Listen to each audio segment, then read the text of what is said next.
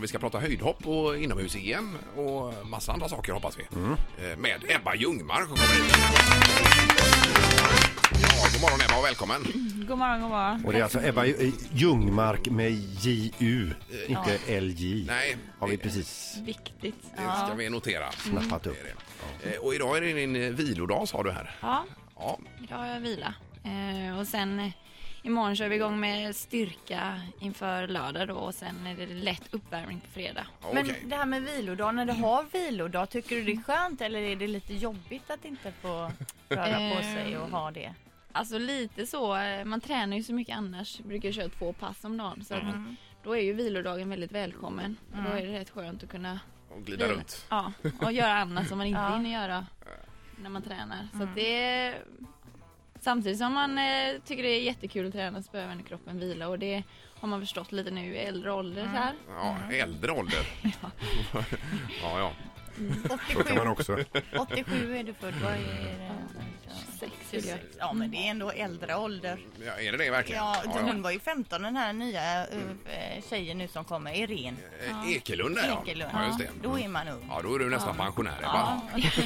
Du, vad är det för moment när man kör styrka och är höjdhoppare? Vad, vad, gör- vad är det då? Vad gör man då? Eh, imorgon kommer jag köra halva benböj som vi kallar det. Mhm. Då går man bara ner en liten bit så eh, för att få den här explosiva eh, trycket. Så att då, Gör du det med vikter dessutom? då? Ja. ja. Då brukar jag köra på en 130 ungefär så att det blir lite tryck i det. Okej, Och det är för att man ska få extra boost då inför själva tävlingen? Ja, ladda upp eh, explosivitet i musklerna och sådär. Ja, Okej. Och vad är, hur känner du dig? Hur är formen? Det känns väldigt bra. Jag har inte tävlat mig i form direkt så att det, det är lite ovisst men eh, jag fick rätt bra resultat från SM där att det, det går att hoppa högt så att eh, ja, det kän, jag är väldigt spänd och tycker det ska bli jättekul. Ja. Eh, Det var någonting med foten där, va? Var det inte det? Ja, jag har ett eh, bone bruise som jag dras med från i somras. Och vad hette det sa du? Bone? bone. Bone bruise. Eh, Ja, en bengrej. Ja, Ett benbrus. Nej, men Bruce är ju blåmärken så är det Ja, ja, det är det. lår- lårkaka. Då. Benbrus i Elias Sandahl. Ja. det brusar i benen. Ja, visst. Men vad innebär det då? Det, är alltså det är... Nej, det är, det, är som, det är ett blåmärke i benet liksom. Ja, Så ja. att eh, när skelettbitarna slås ihop så irriteras dessa, detta. Ja, ja. Ehm, så det är ju det är ju ingen fara så, men det, blir, det är ju en ond faktor. Och då eh, Mm. funkar det inte helt hundra. Men- Men, men är som elitidrottare, har man, all- går man alltid omkring och har lite ont någonstans? Jag har haft väldigt tur med det, så jag har inte haft det. Utan det är först nu i somras som jag åkte på min första sån skada så att säga. Så, men annars har jag haft väldigt tur och inte haft ont. Så man kan ha en karriär utan ont ett tag i alla Ja, fall. det Är det är kanske ju- mer ovanligt än vanligt? Ja, det är det definitivt. Eh, Få förunnat, ja. Men du, du sa att du ju tränar två dra- gånger om dagen. Jobbar du också eller gör du Mm. någonting annat? Jo, Utan jag att jobbar träna? däremellan. Så att, eh, Eh, Vad, vad gör du då? då jobbar jag på Volvo Finans. Mm. Jaha, sådär ja.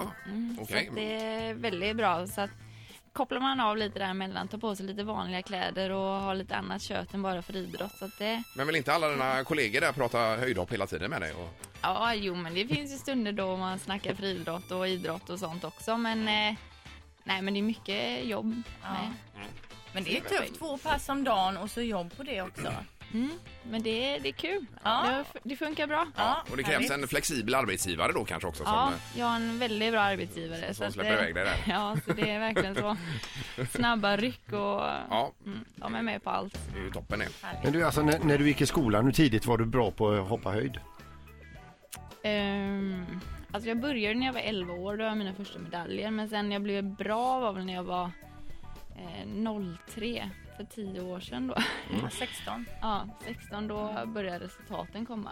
Men, men bra i din värld, men i, som, som eh, återigen tillbaka till skolan, var du bäst av alla hela tiden? Ehm, nej, det kan jag inte säga. Det, jag hade en lite sen utveckling så. Eh, Jag var ingen Irene direkt. Nej. Så att, eh, utan det kom lite senare. Ja, men du hoppar höjd i skolan också? Gjorde du? Men det gjorde jag. Ja, ja. Så det- Jag har ju hållit på med det så länge jag kan minnas. Så att, Ja, just det. Vad tog man i skolan? Var det 1,30 eller? Var... Vad höjd? Ja, Nej, men eh, jag, jag tog ju 1,10 där för kanske några år sedan och det Ja. kan jag kanske ha tagit då också. Möjligtvis. Det var ju tuffare på min och Kents tid när, när ribban var så himla hård och tung Ja, visst. och vi landade med svanskotan på den. Ja, det var, det var en uppmurad Det är svårt att bli ribba. människa efter det igen. kan Jag säga. Ett poddtips från Podplay. I fallen jag aldrig glömmer djupdyker Hasse Aro i arbetet bakom några av Sveriges mest uppseendeväckande brottsutredningar. Går vi in med hemlig telefonavlyssning och, och då upplever vi att vi får en total förändring av hans beteende. Vad är det som händer nu? Vem är det som läcker? Och så säger han att jag är kriminell, jag har varit kriminell i hela mitt liv men att mörda ett barn, där går min gräns. Nya säsongen av Fallen jag aldrig glömmer på Podplay.